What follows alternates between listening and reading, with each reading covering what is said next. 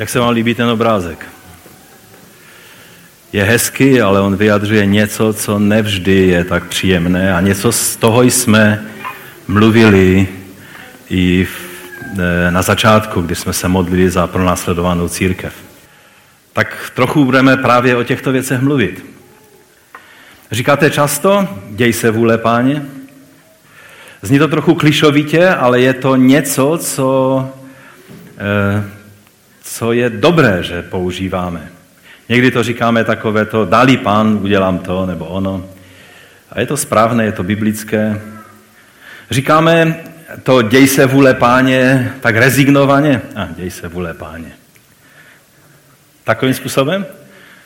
Třeba když si vaše dcera bere někoho, koho zrovna nechcete, aby si vzala a dělej se vůle páně. Nebo když eh, jiná věc se děje ne po, vaší, eh, po vašem myšlení, tak řeknete, a děj se vůle páně. A nebo říkáte, amen, ať se stane vůle páně. A nebo s radostí, ano, když něco dobrého eh, vás má potkat. Ano, děj se vůle páně, určitě tohle je vůle páně. Tahle věta je přímo z toho textu, který budeme číst, takže bych vás poprosil, abyste povstali se mnou a přečteme první část 21. kapitoly knihy Skutků. Budu číst podle Bible 21. A ten nadpis v Biblii 20, 21. století eh, je nadpis té, té kapitoly Připraven zemřít. Když jsme se konečně rozloučili, zvedli jsme kotvy a vypluli přímým směrem na ostrov Kos. Druhý den jsme dorazili na Rodos a odtud do Patary. Tam jsme našli loď, která plula do Fénicie, nalodili se a vypluli. Přiblížili jsme se na dohled ke Kypru, nechali jej vlevo a plavili se dál do Syrie. Když jsme pak přistali v Týru, kde měla loď vyložit náklad, vyhledali jsme místní učedníky a týden u nich zůstali. Ti Pavla skrze ducha varovali, ať nechodí do Jeruzaléma.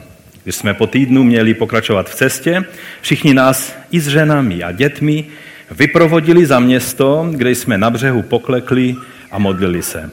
Po rozloučení jsme nastoupili na loď a oni se vrátili domů. Z Týru jsme zamířili do Ptolemaidy, kde naše eh, plavba skončila. Pozdravili jsme bratry a strávili s nimi jeden den. Na zítří jsme pokračovali pěšky do Cezareje. Navštívili jsme evangelistu Filipa, jednoho z o něch sedmi, a zůstali u něj v domě. Filip měl čtyři mladé dcery, které prorokovali. Když jsme tam strávili několik dní, dorazili, dorazil z Judska jeden prorok jménem Agabos.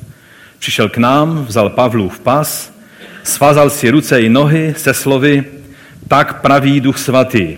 Muže, jemuž patří tento pás, tak to spoutají židovští vůdci v Jeruzalémě a vydají ho do rukou pohanů. Když jsme to uslyšeli, prosili jsme ho spolu s místními učedníky, ať nechodí do Jeruzaléma. K čemu ten pláč, odpověděl Pavel. Proč mi lámete srdce? Pokud jde o mě, jsem připraven nejen být svázan, ale také v Jeruzalémě zemřít pro jméno Pána Ježíše. Protože se ale nedal přesvědčit, nechali jsme toho ze slovy děj se vůle páně. Po několika dnech jsme byli připraveni a tak jsme se vydali vzhůru do Jeruzaléma. Několik učedníků z Cezareje šlo s námi, aby nás dovedli k jistému Mnásonovi z Kypru, dávnému učedníkovi, u něhož jsme měli být ubytováni. Pane, tak tě prosíme, abys nám pomohl porozumět tomuto zvláštnímu textu, tomuto zvláštnímu příběhu. Pomoz nám, abychom v tom uviděli víc tebe a stali se tobě víc podobní. Ve jménu našeho Pána Ježíše Krista. Amen. Můžete se posadit? Doufám, že si ještě pamatujete, jak jsme minule nechali Pavla u toho, jak se vroucně loučil s efeskými vedoucími, jak oni plakali, když zjistili, že ho už zřejmě vidí naposled. A už tam jim dal dost jasně najevo, že ví, že jeho příchod do Jeruzaléma nebude lehký, že ho čekají pouta. E, o tom jsme mluvili minule, četli jsme verš z 20. kapitoly. Nyní hlej sa spoutan duchem jdu do Jeruzaléma a nevím, co mě tam potká, kromě toho, že mi Duch Svatý v každém městě dosvědčuje, že mě čekají pouta a soužení. Ovšem Pavel byl velmi pevně přesvědčen o boží vůli pro něho. Eh, byl přesvědčen, že je jeho úkolem jet do Jeruzaléma. Prožil to už v Efezu a tito bratři, s kterými se loučil, tak oni to dobře věděli. Bylo to potom, co mnozí lidé opustili okultismus. Jestli si vzpomínáte tu situaci, snesli haldu knih, spálili to před Bohem a, a tehdy Pavel začal mluvit o tom, že musí do Jeruzaléma. A tam je, to bylo v 19. kapitole. Po těch událostech se Pavel v duchu rozhodl. Tady je napsáno, že se v duchu rozhodl a u Lukáše, když bylo něco v duchu, vždycky znamenalo, že z nutkání ducha svatého. Nebylo to jen takové, že se v srdci rozhodl. Že projde Makedonii a Achaju a půjde do Jeruzaléma. Řekl, až tam pobudu, musím spatřit také Řím. Bylo to velice jasné pochopení božího nasměrování, ale i ti efeští bratři a určitě bratři v Korintu tak věděli, nebo v Achaji obecně věděli o tom, že Pavel, i když měl tohle přesvědčení, tak musel změnit plány, když chtěl plout do Antiochie a z Antiochie být na svátek Pesach eh, v Jeruzalémě, jak se musel, protože tam se staly určité věci, byly na něho nachystány pasti a on necítil, že by měl do těch pastí zrovna teď lézt, tak, eh, tak se rozhodnul, že šel pěšky zpátky eh, nahoru do Makedonie a, a tak tím způsobem šel vlastně úplně jinou trati. Čili tady už vidíme, že porozumět božímu vedení je, je někdy eh, složitější, než eh, na první pohled se nám zdá. No a tak budeme teď pokračovat tam, kde jsme Pavla nechali. Nastoupil s celým týmem, včetně Lukáše, na loď v Miletu a pokračovali v cestě. Jo? Čili od Miletu přes Rodos, eh, Pataru, pokračovali Ehm, tam ehm, přistali na Kosu, ehm, Rodosu, Patary, pak se nalodili na další loď, která jela do Fénicie a minuli Kypr, či nezastavili se na Kypru, asi zřejmě kvůli tomu, že ta loď směřovala přímo do, do Syrie. A pak přistali ve starobylém městě Týru, neboť to byl cíl té, eh, té cesty, té lodi, která tam měla vyložit náklad. A tady vidíme Eh, jak si Pavel a jeho tým vážili společenství božího lidu. Je to dobrý signál pro nás. Když někdy tak lehce se vzdáme možností jít do zhromáždění, někdy stačí velice málo a, a řekneme, a dneska nepůjdu, dneska mě bolí noha, tak prostě nepůjdu. Někdy nám stačí úplně malinko a já vám chci říct, že, že Pavel byl z trochu jiného těsta. Pavel a jeho tým. Také Lukáš, který se už teď zahrnuje do toho, do toho týmu. Eh, oni aktivně vyhledali společenství e, ve městě Týru, které, o kterém předtím nečteme, že by tam byli nějací křesťané, tak najednou vidíme, že Pavel našel, vyhledal společenství, tady je ve čtvrtém verši, vyhledali jsme učedníky a zůstali jsme tam sedm dní. Celý týden si vyčlenil, asi zřejmě kvůli výkladu toho, vyložení toho, toho nákladu, musela to být velká loď, protože to trvalo tak dlouho. A a tam v tom společenství, v tom zboru, o kterém toho nic víc nevíme, je to už v takové dost blízkosti, by se dalo říct, eh, Cezareje, že, kde byl Cornelius a, a ostatní, a, a Filip. Ehm, a, a je, není to taky příliš daleko eh, od, eh, od ehm, Jeruzaléma, takže možná tam nějaké ty Nějací ti učedníci přišli do Týru a, a vyprávěli o Ježíši, možná byli očitými svědkami a tak dále. Čili bylo to takové zajímavé společenství, protože vidíme, že oni, že oni u nich se projevovaly eh, duchovní dary. A, a je tam řečeno, že skrze ducha, čili pod vlivem ducha svatého, pod prorockým eh, vlivem ducha, tak eh, říkali Pavlovi, aby nevstupoval, nebo teda nevystupoval, protože do Jeruzaléma se vždycky vystupuje, odkudkoliv jdete, eh, aby nevystupoval do Jeruzaléma. Zvláštní prorocká, prorocké slovo.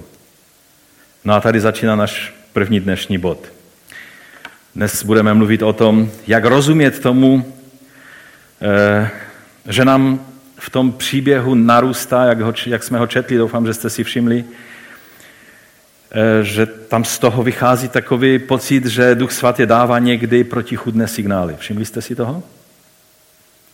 Pavlovi dával jedny signály, tyrským učedníkům skrze slovo poznání nebo prorocké slovo jiné signály.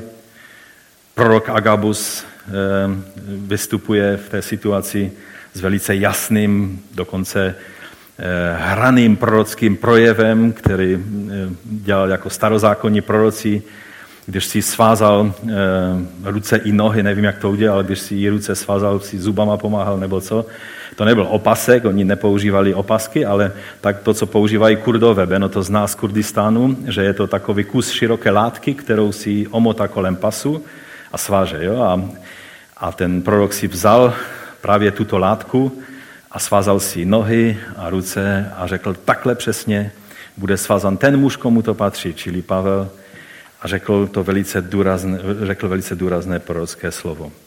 Takže můj první bod je naučit se porozumět božímu vedení. Potřebujeme pochopit, že boží vedení, když teoretizujeme o něm, tak je to jednoduché, vždycky mu rozumíme, pan mi řekl, pan to, pan tamto. Ně, někteří lidé mají pana na konci svého jazyka a všechno jim řekl pán, všemu rozumí, vždycky všechno je jisté a tak dále. Víte, apoštol Pavel a první učedníci patřili k těm, kteří autenticky prožívali vedení Ducha Svatého a ono, když chodíte v praxi a snažíte se nasledovat Boží vůli, zjistíte, že to není tak jednoduché vždycky a tak jednoznačné, ale že je třeba, abychom se naučili rozeznávat eh, Boží vedení. Jak teda tomu máme rozumět? Že skrze ducha říkali Pavlovi, aby nevystupoval do Jeruzaléma a přitom on byl na cestě do Jeruzaléma, přesvědčen o tom, že ho duch svatý vede do Jeruzaléma. Milil se Pavel, milili se ti učedníci, bylo to falešné proroctví, někdo by byl velice rychlý v tom, že by řekl, to byli falešní proroci v tom tyru, je třeba je řešit, vyloučit z církve, nebo já nevím co. Ani náznak tady není tohodle u Lukáše. Lukáš jakoby nám dává ty věci před nás a ani v náznaku neukazuje, že v tom je nějaký problém. Pavel byl přesvědčen v duchu, že má jít do Jeruzaléma a oni byli přesvědčeni v duchu, že ho mají varovat, aby nevystupoval do Jeruzaléma. A tady, a nejen tady, ale snad všude, byl Pavel upozorňovan duchem, nejenom v tom týru, ale na mnoha místech byl upozorňován, že ho v Jeruzalémě čekají pouta. Ovšem tady to je trošku jiná věc, že ho neupozorňovali jenom, že ho, co ho čeká, že ho čekají pouta. Bylo by to takové varování o tom, co se stane, ale přímo mu skrze Ducha Svatého říkali, že nemá vystupovat do Jeruzaléma. Tak co, dává Duch Svatý konfliktní oslovení? Zdá se, že ano, podle toho dnešního příběhu. Četl jsem různé názory na, na tuhle věc. Mnozí kvůli tomu e, rozporu, který tady existuje, došli k závěru, že Pavel se tolik natchnul a tolik toužil, e, aby svým krajanům mohl sloužit, židům, aby byli spaseni. Vždyť on e, říkal v listu řím, římským křesťanům, že by sám raději byl zavržen, aby mohl e, své krajany přivést ke Kristu, že se chtěl, že, že chtěl jim tolik sloužit, že se prostě nechtěl smířit s tím, že oni odmítají evangelium, takže jel do Jeruzaléma i přesto, že to nebyla boží vůle pro něho. Nebudu vás natahovat, eh, jenom řeknu, že s tímhle vysvětlením nesouhlasím. A, ale z druhé strany stále nám zůstává to napětí mezi Pavlovým prožíváním a mezi prožíváním mnohých jiných, eh, kteří, kteří viděli, že boží vůle není, aby šel přímo do rukou těch, kteří ho chtějí zatknout. Myslím, že ehm, Horton v, v učebnici, kterou používá naše biblická škola, tak, ehm, tak to celkem dobře se snaží, snaží vysvětlit a vlastně všímá si toho způsobu, jak to Lukáš vyjádřil, že ti skrze ducha říkali Pavlovi, aby nevstupoval do Jeruzaléma. A proto on vysvětluje, cituji, že ta předložka skrze, čili řecky dia, není o ním slovem, jenž se v předchozích pasážích používá k označení přímé činnosti, čili působení ducha, víc například skutky 3 na 4, kde je k označení přímé neboli hlavní činnosti použito řecké slovo hypo. Zde je lépe řečtinu přeložit v důsledku ducha, to je kvůli tomu, co řekl duch svatý. Ne duch, ale láska a starost těchto věřících eh, o Pavla je vedli k tomu, že, eh, že mu říkali, aby nechodil. Tito lidé, po té, co slyšeli přímé poselství ducha, k tomu jen vyjadřovali své pocity. Eh, je to sice vysvětlení, nevím, jestli jste to pochopili nebo ne, je to tak trošku kostrbatě řečeno, ale v podstatě to, že, že Duch Svatý mluvil, že ho, co ho tam čeká a oni si vysvětlili to, tu jeho tu řeč ducha, způsobem, že, že to znamená, že eh, Duch Svatý říká Pavlovi, abo, anebo jim, aby řekli Pavlovi, že nemá vstupovat do Jeruzaléma. Eh, možná, že má Horton pravdu v takové té drobné nuanci, ale, ale stále tam zůstává to napětí mezi tím, co říkali z přesvědčení ducha pod vedením ducha svatého ti lidé v Týru a pak dokonce prorok Agabu za tím, jak vedení ducha rozuměl Pavel. E, je zde zvláštní situace, kdy Pavel tím, že by uposlechl slovo řečené v duchu, čili to prorocké slovo, by v podstatě nenaplnil boží vůli, která pro něj byla. Je to tak? A to se nemůže stát, že? A to nám ukazuje, že ty věci, jak prožíváme Ducha Svatého, někdy, vz, někdy vytvářejí napětí. Někdy vytvářejí konfliktní situace, kdy musíme hledat e, boží moudrost. Ono ve, ve, ve starém e, čase tehdejšího prvního století si lidé víc uvědomovali, že proroctví eh, je jen částečné, tak jak to Pavel říká v prvním listu korinském, 13. kapitole, 9. Eh, verši, nebo jen částečně poznáváme a částečně prorokujeme. Jenom z části vidíme i skrze nadpřirozený vhled prorockého slova. Pro lidi tehdy to bylo celkem běžné a byl známý případ e, v řeckém světě, Eh, kdy eh, bylo v Delfách taková ta věždba eh, vojevůdci Kresusovi, že má, že má jít do války, protože zničí celou, celou říši. A on si to vyložil po svém. Výsledek byl, že ta věžba se naplnila, akorát, že zničil svoji říši. Jo, čili někdy, někdy je třeba, abychom správně pochopili to, eh, co říkají prostě. Samozřejmě, to byla věžba a my to můžeme hodit za hlavu, ale tady vidíme, že je prorocké slovo dané duchem božím, který ví přesně, co se má dít. Eh, ve starém zákoně, v druhé královské, je taková zajímavá situace, kdy Eliáš šel na to své místo setkání eh, s Bohem, kde ho měl boží duch ehm, se chopit a, a měl ho vzít z této země. A, a Eliša za ním šel, protože viděl, že se něco děje. A, a ti eh, proroctví žáci tak říkali, víš o tom, že tvého pána si vezme pán? A, a on toho věděl trošku víc, tak jim říkal, jo, vím, ale vy mlčte. Jo, že tady vidíme jako až, až komickou situaci, kdy proroci se předbíhali, kdo toho víc ví. Nakonec to všechno bylo překvapením i pro Elišu, i pro ty e, žáky a možná i pro samotného Eliáše. V jaké obrovské moci se stala ta událost, která, která se Eliášovi stala. A, a to jenom nám ukazuje, že skutečně po části poznáváme, a kdo se tváří, že všemu vždycky rozumí a přesně ví e, vždycky, jak, jak pan e, kudy má ten jeho vítr věje, Eh, a nikdy se nesplete, eh, tak žije spíš v teoretické rovině a nechodí prakticky s pánem. Myslím, že je třeba vzít v úvahu složitost poznání Božího vedení a také i je třeba vzít v úvahu to, že napětí někdy je prospěšné. Konflikty, když vznikají, nevždy jsou destruktivní, ale e, někdy napětí je potřebné k tomu, abychom se dobrali něčeho čerstvého, nového, aby, aby se mohly začít dít nové věci. A v tom hledání Boží vůle někdy Bůh naschval nechá vzniknout to napětí, které je pak energii pro to, že může vzniknout něco výjimečného, něco nového. Víte, někdy máme pocit, že všechno máme hned uklidnit a, a, a vyřešit nějakým kompromisem, jen aby všichni byli klidní a spokojení. A bojíme se toho, že když vznikne příliš té energie z nějakého konfliktu, takže se nám to vymkne z rukou, ale někdy se nám věci musí vymknout z rukou, aby se dostali do božích rukou.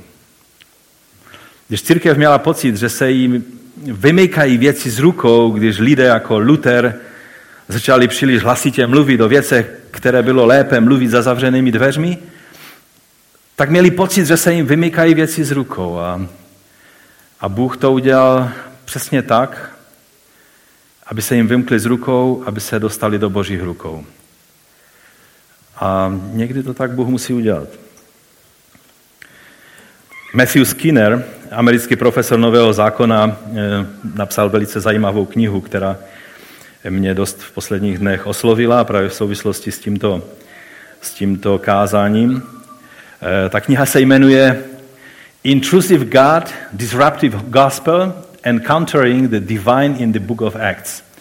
Když jsem to chtěl přeložit, tak jsem to tak kostrbatě přeložil. Dotěrný Bůh a rozvratné evangelium, střetnutí s Bohem v knize skutku. A už ten titul vám ukazuje, že ta kniha nebude eh, obyčejným komentářem ke knize skutku. A on tam říká eh, mezi mnoha jinými zajímavými věcmi toto. Nepřehlednost odkazu na Ducha Svatého v tomto příběhu se ovšem pojí s dalšími pasážemi skutků, abychom uviděli jasnou pointu. Duch Svatý je radikálně svobodný a často těžce pochopitelný. Držet krok s Duchem Svatým nutí lidi se pustit do debaty ohledně teologického rozeznání. A to s těmi, kteří s nimi souhlasí ohledně obsahu vedení ducha, i s těmi, kteří nesouhlasí. Duch svatý někdy dělá věci záměrně takovým zvláštním způsobem, aby vyprovokoval tu debatu, jako třeba skutky 15. kapitola, kdy se zdálo, že se tam všichni pohádali. Mluvili hlasitě a, a představovali, prostě Pavel s Barnabášem představovali svědectví, Pavel mluvil zažitky z Korneliova domu a, a ti z té strany eh, obřízky, tak tam mluvili všechny argumenty, eh, proč je důležité, že Bůh jedná s božím lidem, s Izraelem a tak dále. A nakonec výsledek toho byl, že bylo, eh, vyšlo z toho úplně nové pochopení božího jednání. Mnohem velkolepější boží plán, než oni doposud, doposud chápali. Vyšlo to z toho konfliktu. Z toho, že oni dovolili Duchu Svatému, aby na nich působil. No tak tady v tom našem příběhu není divu, že Pavel využil ten čas, kdy zůstali v Týru týden a já si dokážu docela živě představit, jak tam probíhaly ty živé debaty s těmi trskými bratry a možná i sestrami. Vidíme, že sestry i děti byly zapojené potom do toho, jak, ho, jak je vyprovodili k břehu eh, na, na loď. Takže i sestry možná byly zapojené do té debaty a, a jak vzniklo to napětí, eh, které u toho prožívali, protože oni prožívali, že, že mají jejich úkolem Ducha Svatého, daným Duchem Svatým je, aby přesvědčili Pavla, že nemá jít do Jeruzaléma. To nebylo jenom tak, no Pavle, víš, tak jsem se dneska zbudil a tak jsem nějak cítil, že bys do toho Jeruzaléma neměli. Ne, oni skrze ducha, oni byli přesvědčeni o tom, že jejich role v této chvíli je eh, způsobit, že Pavel změní svůj plán, protože oni ví, co chce duch a Pavel se mýlí. Taková situace to byla. Týden o tom měli čas debatovat. Nevím, jestli byste chtěli být v takové situaci. Jsou lidé, kteří se úplně v hruze, když vidí, že někde vzniká nějaké napětí, nějaký konflikt, tak už se hrozí, protože prožili trauma ve svém životě a tak dále, tak se toho bojí a buď z toho utečou, nebo hned to nějak uklidňují. Ehm, jsou i třeba manželství, kde se nemluví o věcech otevřeně, protože oba dva se bojí, že když se poprvé pohádají, tak půjdou od sebe pryč. A to je ten, ten největší nesmysl, který můžeme, nebo lež, které můžeme uvěřit v manželství.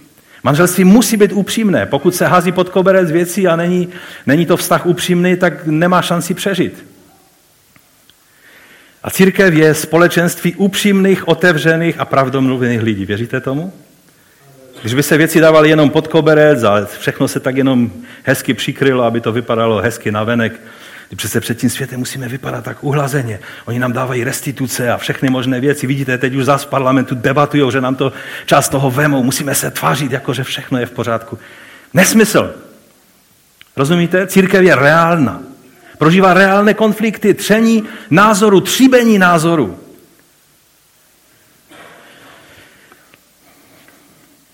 A přitom my si často spojujeme Ducha Svatého s tím, že vždycky působí takový ten úžasný pokoj a nádhernou jednotu mezi křesťany. Spoleháme na to, že usmíří všechny spory. Tak, jak to bylo v tom jeruzalémském sněmu, že nakonec se všichni eh, nějakým způsobem eh, domluvili a řekli, že se, že se rozhodl Duch Svatý a, a oni. Nesmíme zapomenout, že z toho jeruzalémského sněmu jedna skupina lidí, velká skupina, odcházela s tím, že všechny jejich názory byly hozené do koše.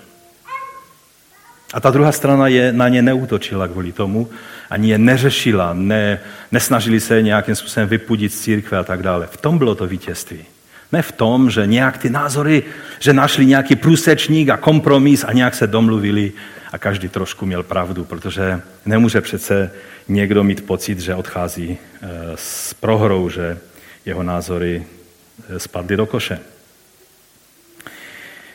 A co když Duch Svatý někdy se dokonce podílí na vzniku konfliktu a rozdílných názorů, aby právě eh, vyšlo na povrch něco, co je třeba vyřešit, co je třeba názor nebo, nebo směr, kterým jdeme, aby, aby se změnil. Někdy k tomu je třeba velkou energii a ta energie právě vzniká někdy v tom, kdy, kdy protichudné názory a proudy na sebe narazí.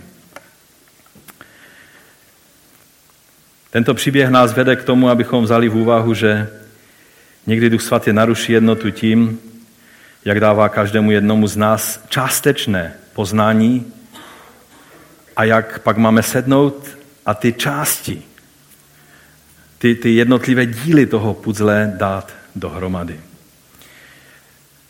Je to na nás, abychom se o to snažili, abychom si uvědomili, že, že je to náš úkol. Nestačí mít jen slovo poznání od Ducha Svatého, potřebujeme pak také znát celkové nasměřování ducha, abychom se správně rozhodli.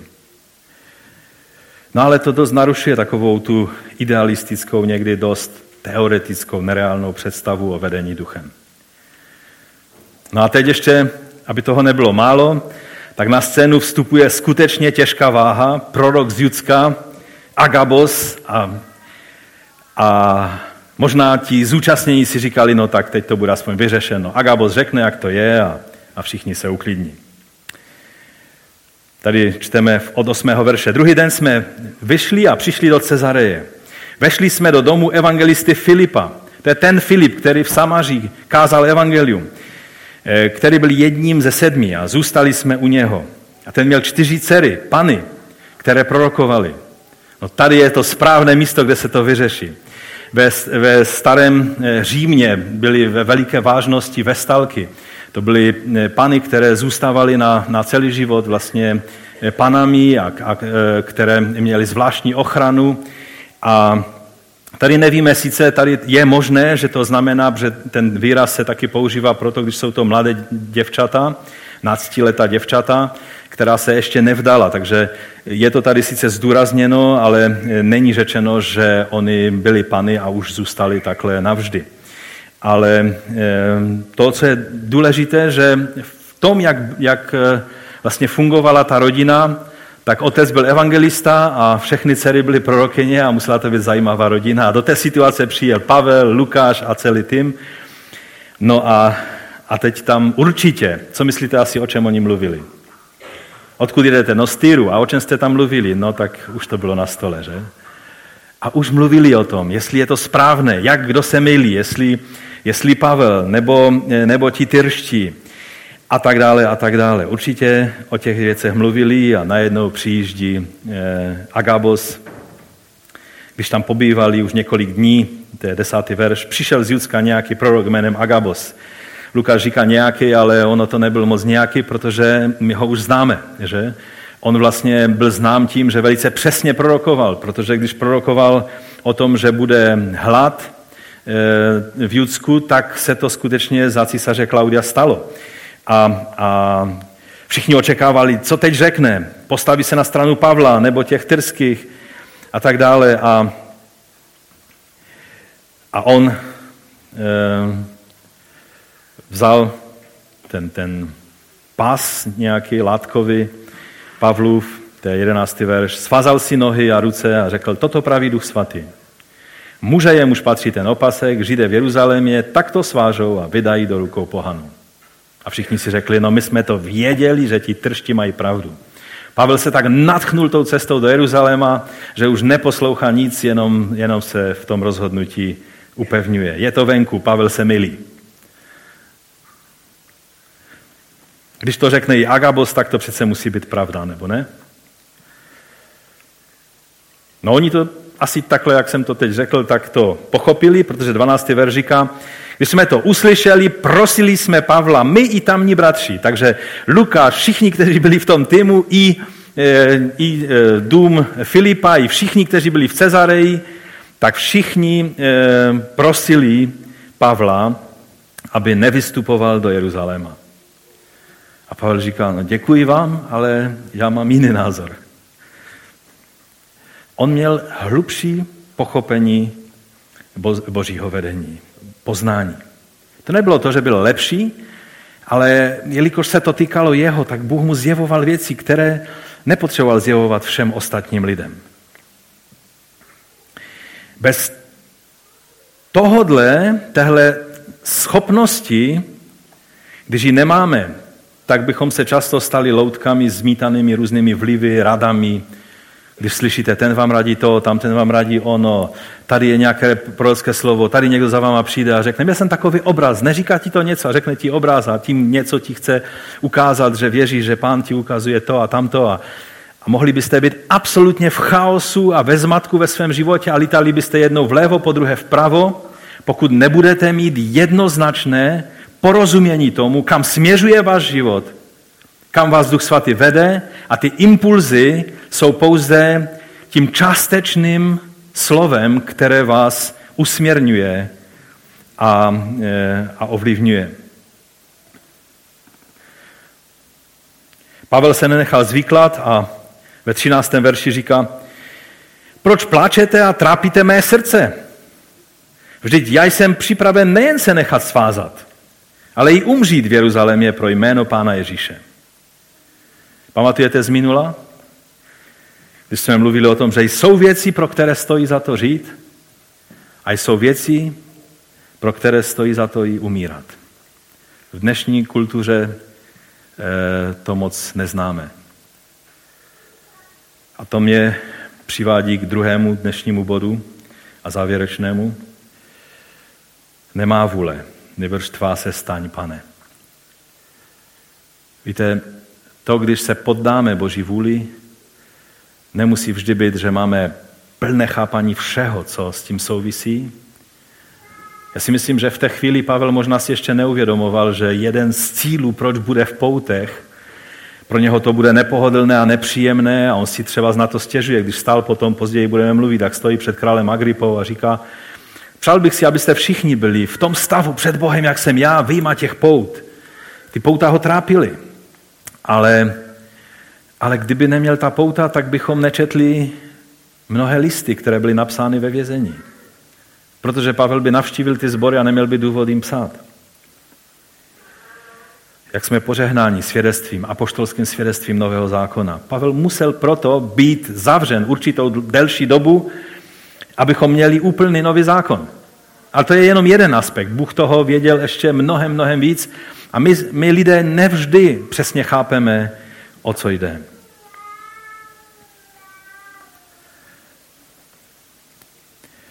U Lukáše ve 22. kapitole eh, je ta věta, která je mým druhým bodem. Nemá vůle, nebrž tvá se staň, pane. Je to, určitě znáte tu situaci. Olivová hora, Getsemane. Od 39. verše tady je napsáno, a když vyšel, vydal se podle svého zvyku na Olivovou horu a šli za nimi učedníci. A když byl na místě, řekl jim, modlete se, abyste nevešli do pokušení. To je první věc důležitá, že vždycky, když neví, si nevíme rady a, a nerozumíme tomu, jestli nalevo, napravo, tak dobrá věc, když nevíme, co dělat, je, že se budeme modlit. A když ani nevíš, jak se modlit, tak se modlí v jazycích. Protože Duch Boží přesně ví, jak se máš modlit. Modlitba v jazycích nám je dána, abychom se nemuseli přestat modlit tehdy, když náš rozum je vypnutý a vůbec nevíme, co by bylo dobré v dané situaci. A to je obrovské požehnání. Někdy, když můžu právě přejít do modlitby v jazycích v takových situacích, tak cítím úplně, jak, jak to břímě se mně e, padá, protože, protože najednou si uvědomuju, duch přesně ví, co se má stát. A já se mohu modlit podle jeho vůle.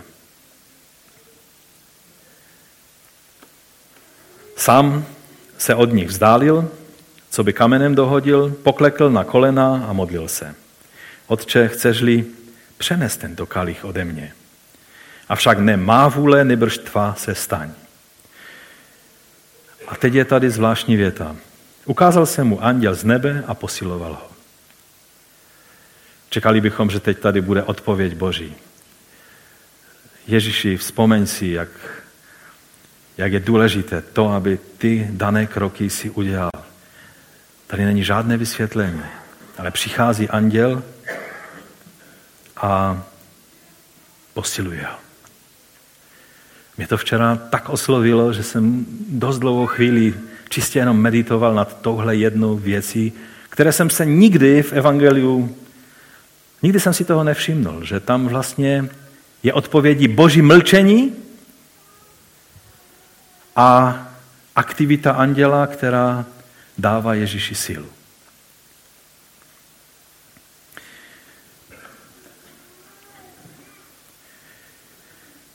Bůh své služebníky nenechá ve tmě nejistoty. Pro pána Ježíše bylo boží odpovědi to, že k němu přišel ten anděl a posiloval ho. Pán Ježíš nepotřeboval už nějaká další slova. On věděl přesně, co je to potřebné. A ten anděl, když přišel a dával mu sílu, bylo odpovědi, že není jiná cesta. Ten kalich nejde odložit. Někdy to prožíváme podobně, že Bůh mlčí, ale dává ti skrze svého svatého ducha, možná i skrze anděly, které ne, nevidíme, sílu k tomu, abychom prošli danou situaci. Mně se to stalo obzvlášť vzácne včera. Když jsem si uvědomil, že někdy se modlíme a modlíme a modlíme a Bůh mlčí. Ale z té modlitby vstaneme a máme sílu jít dál. Rozumíte tomu principu? Není to úžasné? Nerozumíš, ne, nevíš ani o jedno slovo víc vysvětlení, ale najednou máš sílu jít dál. A projít tím údolím vítězně, tak Ježíš. Tím nejstrašlivějším údolím prošel vítězně, protože nepotřeboval více slov, ale potřeboval sílu od Boha, aby prošel tím, čím měl projít.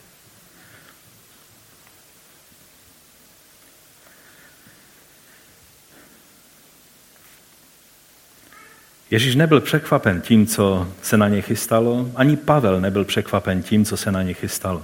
Všimněte si, že to nebylo tak, že on přišel do Jeruzaléma a najednou, aha, tak s tím jsem nepočítal.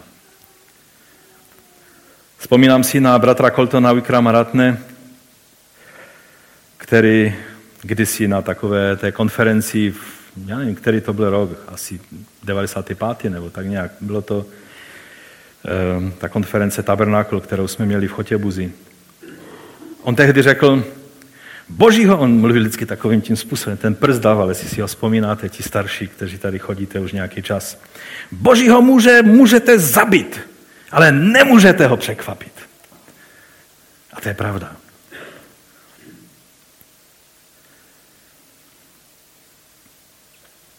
Amos ve třetí kapitole říká, Lev zavřval, kdo by se nebal.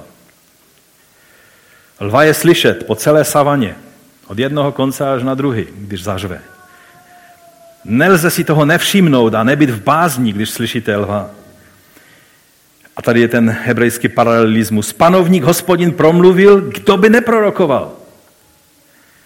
Když Bůh začne jednat, tak lidé, kteří jsou vnímaví na ducha, nebudou překvapení, ale reagují. I když jen z části poznáváme a z části rozumíme, tak ten signál, ten impuls Boží zaregistrujeme. Mnoho bychom mohli citovat příkladů z dějin Božího lidu, kdy lidé věděli, jak to je um, a, a čemu, jakému riziku se vystavují, tak jak Pavel tady v této situaci. Jednou jsme si tady ve sboru připomínali Jana Husa, jak jel e, do kostnice a, a jak, e, jak si uvědomoval. Podle mnohých e, náznaků on věděl, že ho tam nečekají lehké dny. A dá se říct, že počítal dokonce ze svojí smrti, protože daroval svůj velice drahý eh, kabát svému jednomu příteli. Přátelé ho přemlouvali, ale on byl jak Pavel. On věděl, že jeho úkolem je vydat svědectví pravdě a pak, ať už se děje vůle Boží. Děj se vůle páně. Jeronym Pražský taky ho přemlouvali. Ať nedělá stejnou chybu, jak udělal Jan Hus. Jen, že to udělal, ale skončil stejně jako Jan Hus. Martin Luther, když jel na sněm ve Wormsu, kde se mělo rozhodnout do jeho učení, tak věděl, že jede do jámy lvové a on dokonce se nechal slyšet, že, že se cítil, jako když pán Ježíš výjížděl do Jeruzaléma v palmovou neděli. Kdy věděl, že ještě stále mu tleskají, ale přichází chvíle, kdy bude vyset na kříži. A Martin Luther se cítil stejným způsobem. Vzpomínám si na eh, to, když tým bratra Georga Taubmana byl zázračným způsobem eh, osvobozen, eh, když byli v zajetí Talibánu a byli vlastně vezeni do Kandaharu, aby je tam popravili. A najednou Bůh udělal zázrak a zasáhnul a vysvobodil je Eh, z té situace. Je kniha na to téma přeložena do češtiny, tu si určitě přečtěte. Je to, je to obdivuhodné svědectví o tom, jak Bůh dokáže prostě vstoupit do děje a, a udělat um, to, co se rozhodne udělat. A když pak um, byli um, volní a seběhli se novináři k němu, když přiletěl do Německa, tak se ho ptali, co bude dál s vámi? Co budete dělat, pane Taubman? A on tehdy řekl větu, která obletěla svět ve všech novinách. On řekl, Bůh mi nedaroval zpátky život, abych si ho zachoval pro sebe. A za krátkou dobu odjížděli zpátky do té země, ve které, ve které se mu to stalo. A, a vlastně lidé ho obvinovali, že má mučednický syndrom, že, že jedná teď prostě Eh, sebevražedně a, a, a tak dále a tak dále. A když jsme o tom s ním mluvili, tak on je nahony vzdálen právě, právě nějakým takovým tomu glorifikování mučednictví. On je velice praktický člověk. Ale říkal, já jsem věděl, že můj úkol je být zpátky. A nejenom on, ale celá rodina se přestěhovali znovu zpátky. A přesně rok na to, co, co se stala ta událost s tím jejich vězněním a vysvobozením, tak jejich děti, jejich dva kluci byli, byli ve škole a to je ta škola. A ten ředitel, to je tady ten e, bratr ze předu, který stojí a popisuje nám tu situaci, kdy, kdy Georg a Marianne dostali zprávu o tom, že zautočilo komando teroristické na tu školu a vypadalo to, že, že jejich děti jsou v ohrožení a že, že už je asi neuvidí. Bůh zasáhl zázračným způsobem a zachoval kromě několika lidí, kteří zahynuli, tak z těch dětí, které tam studovali v té škole, tak nezahynulo ani jedno dítě. Ale mnozí lidé v Německu si říkali, teď jsme mu to říkali, že už tam nemá jet. Georg a jeho manželka a celá jeho rodina, jeho synu se můžete zeptat na to. byli jiného přesvědčení, protože věděli, kterým směrem je nutká pán. Někdy jsou situace, kdy nemůžeme jednat jinak i přes varování nám drahých lidí. My si vážíme těch lidí, my je milujeme.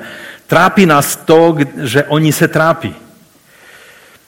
Já jsem měl takovou situaci samozřejmě jenom v malém procentičku oproti tomu, čím procházeli tito muži, jako je Georg Taubman a ostatní.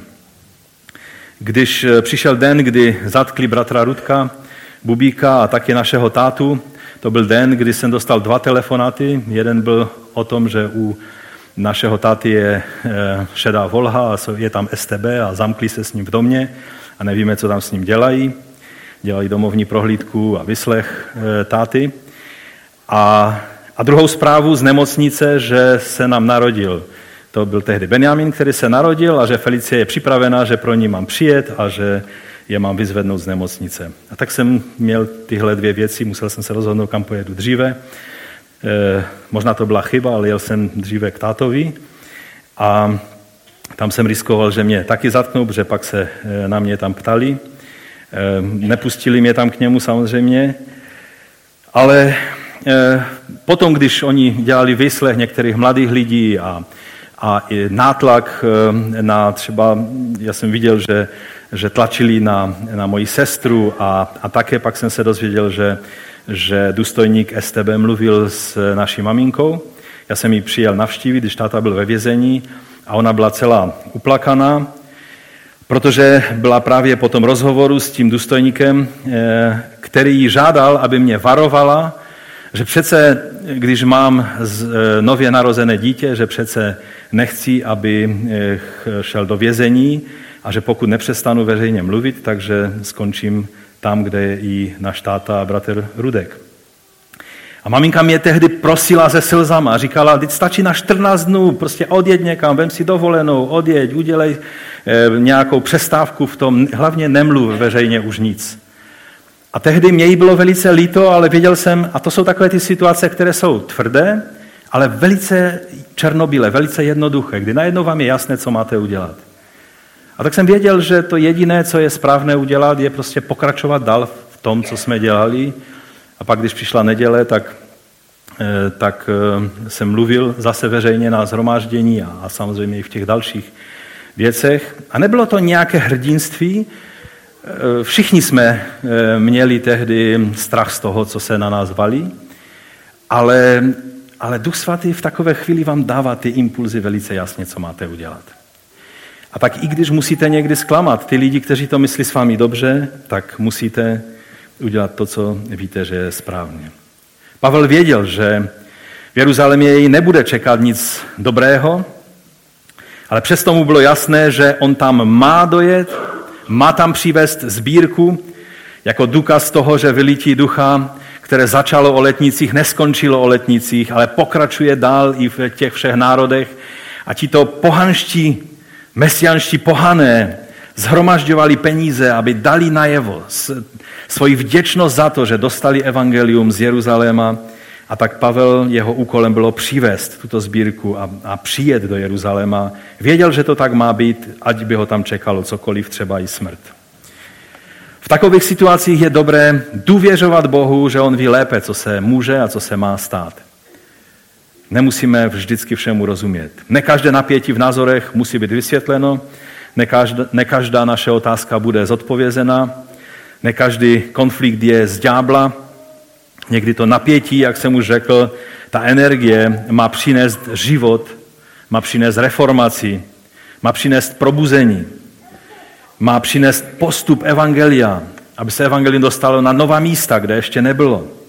Většinou se ty věci dějou v určitém napětí, v určitém eh, i střetu názorů a, a tomu všemu. Tak jak Pavel, když šel na misijní cestu a najednou se s Barnabášem dostali do, do střetu a, a, a vyjasňovali si názory. A výsledkem toho bylo, že vzniknul nový tým. Podle, eh, věřím, bylo to podle toho, co Bůh chtěl. Lidé jako Timoteus, Lukáš se dostali do toho týmu. Z toho důvodu ty všechny věci víme, protože Lukáš ty věci napsal a mohly se stát ty všechny úžasné věci, o kterých jsme mluvili. Víte, můžou zůstat, dokonce nám navždy můžou zůstat takové ty alternativní názory. V některých věcech si uvědomuju, že třeba vidím v té minulosti některé věci jinak a jiní bratři je viděli jinak a to, to napětí nikdy nám Bůh eh, to nevysvětlil, jak to teda bylo správně. Je dobré eh, se nesnažit vždycky za každou cenu to nějakým kompromisem vyřešit. Může, eh, může to zůstat, ale vždycky musíme mít vědomí, že táhneme za jeden pro vás, že jsme na stejné straně toho boje. Že to není, že bojujeme proti sobě, ale že jsme na, ve stejné armádě a domlouváme se na strategii, jak jít dál, jak tu kampaň vést. A i když mm, někdy částečně prorokujeme, pak zjistíme, že to bylo skutečně jenom částečné a máme větší světlo. Proroctví pominou. Všechny věci jsou částečné, ale láska zůstává ve všech navždy. Všimněte si vroucnost těch tyrských křesťanů vůči Pavlovi, i když s ním nesouhlasili a nezhodli se, nevyhledali nebo ne, nesepsali nějaký kompromisní usnesení z toho svého setkání, toho týdenního teologického bádání nad těmi prorockými prožitky. Ale v pátém verši čteme, když ty dny uplynuly, vydali jsme se na cestu, všichni i se ženami a dětmi nás vyprovázeli až za město. Tady neskončil konflikt, kdy každý seděl ve své ulitě e, uražený a naštvaný, ale oni věděli, že to bylo prostě součástí té debaty, která probíhá v rodině Boží. A oni i s dětmi a s ženami, a Lukáš to takhle popisuje, aby tomu přidal trochu patosu, aby bylo vidět, jak oni všichni v lásce se, se rozcházejí s Pavlem, protože ať si to uvědomujeme nebo ne, to byly poslední chvíle, kdy se s Pavlem ve skutcích vidíme, eh, setkáváme jako se svobodným člověkem. Pak už se stal vězněm, o tom budeme mluvit někdy příště. A oni to všechno si uvědomovali a, a tak ho tam i děti a, a manželky. A proto jsem tak rád, že tady byly dnes děti, když se modlili za pronásledovanou církev, protože děti někdy tak nějak lehce vyloučíme z těch věcí, které, které prožíváme. Já vám chci říct, že děti, já si vzpomínám věci, když se děli eh, v 60. letech, když se děli různé, různé věci v církvi, já jako dítě jsem na to měl svůj názor. Já jsem to prožíval. Já jsem jednou měl prorocké slovo, které jsem chtěl říct ve sboru, akorát ten bratr, který mluvil, takový starší, já mluvil tak dlouho, že už nezbyl čas. A tak jsem to nemohl říct. A dodnes si to pamatuju. Jsem seděl tátovi na klíně a, a měl jsem velice silně jedno slovo, které jsem tam chtěl říct.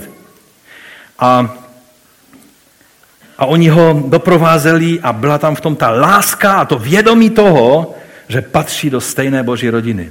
Víte, ať jsou naše třenice názorů a, a mladší generace, starší generace, názory víc tradiční a víc odvážné a tak dále. To všechno je v pořádku. Ale uvědomme si, že jsme součástí z téhož těla, téže rodiny a že konec konců na, na konci, když zapadne slunce, tak jsme na stejné straně té barikády. Amen?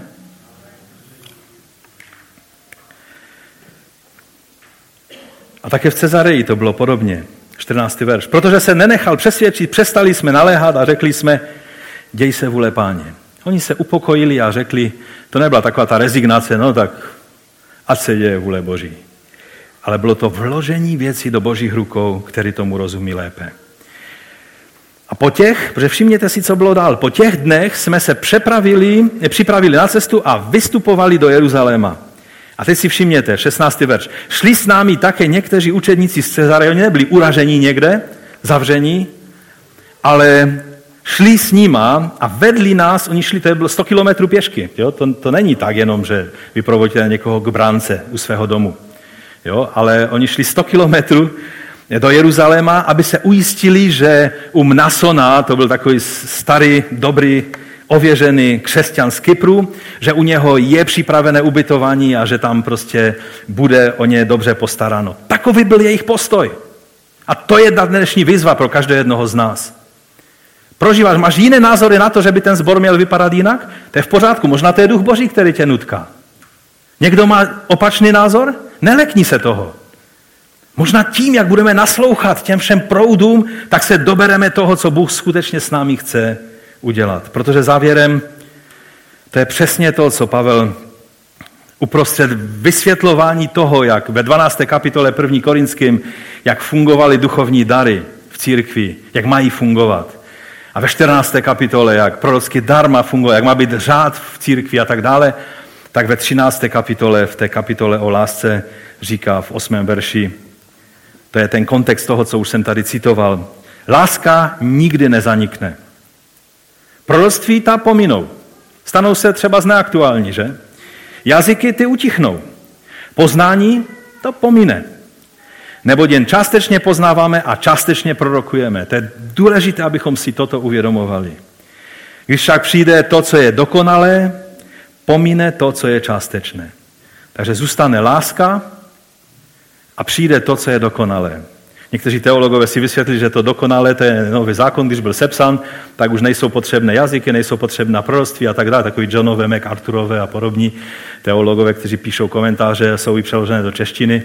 Takže chci vám říct, že to je i z biblického hlediska, i z logického hlediska naprosto vedle, protože eh, příchodem nového zákona církev se nestala dokonala. Absolutně ne, ale právě ten, ten, to všechno, co začala církev prožívat, když už to byly ty další generace, které byly vzdálené apoštolům, tak začaly mnohé, mnohé věci, které nebyly dobré.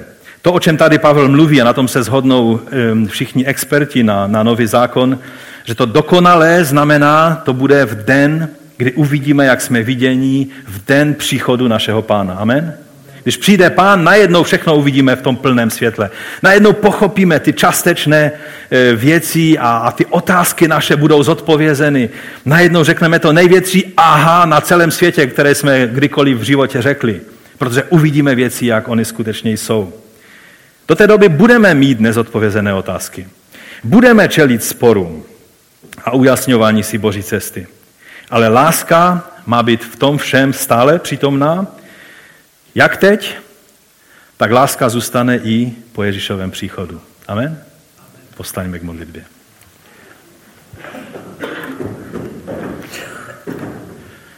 Tak tě prosíme, pane, abys nám pomohl, abychom v tom všem, co prožíváme a částečně poznáváme, částečně prorokujeme, někdy narážíme na jedni na druhé, kdy rozumíme věcem jinak a jsme přesvědčeni, že rozumíme tvému vedení, tak tě prosím, abys nám pomohl, abychom si uvědomili, že ty chceš z toho i určitého napětí, které někdy vzniká, vytvořit něco nádherného. Že je to o životě a, a ne o nějakých ambicích a o tom, jestli já mám pravdu nebo ten druhý. Já ti děkuji za to, že tady nešlo o to, jestli Tršti mají pravdu, nebo Agabus má pravdu, nebo Pavel má pravdu, ale šlo o to, že ty máš pravdu. Ty vidíš tak, jak věci jsou a my to jednou při tvém příchodu uvidíme, ale teď se chceme spokojit s tím, že částečně prorokujeme, částečně poznáváme, ale chceme ti sloužit a vědět, kterým směrem vane tvůj duch, abychom mohli tak, jak Pavel, nenechat se vybočit z toho směru, který dáváš do našich životů, abychom naplnili eh, ten záměr, který ty máš s každým jedním z nás. Pomoz nám, pane, aby láska byla ve všech věcech i nyní, abychom mohli ve tvé lásce žít pak i po tvém příchodu. Pomoz nám, abychom nikdy eh, nepřestali milovat ty, ze kterými jdeme, eh, i když tu cestu vidíme každý trochu jinak. My tě chválíme a vyvyšujeme tě za to, že jednota je ve tvém duchu a ne v našich názorech, v našem poznání v těch všech věcech. Děkujeme ti za to, že ti můžeme důvěřovat a že můžeme teď říct, děj se vůle páně. Ne rezignovaně, ale s natřením, že ty víš přesně, co se má stát. A proto děj se vůle páně. Amen.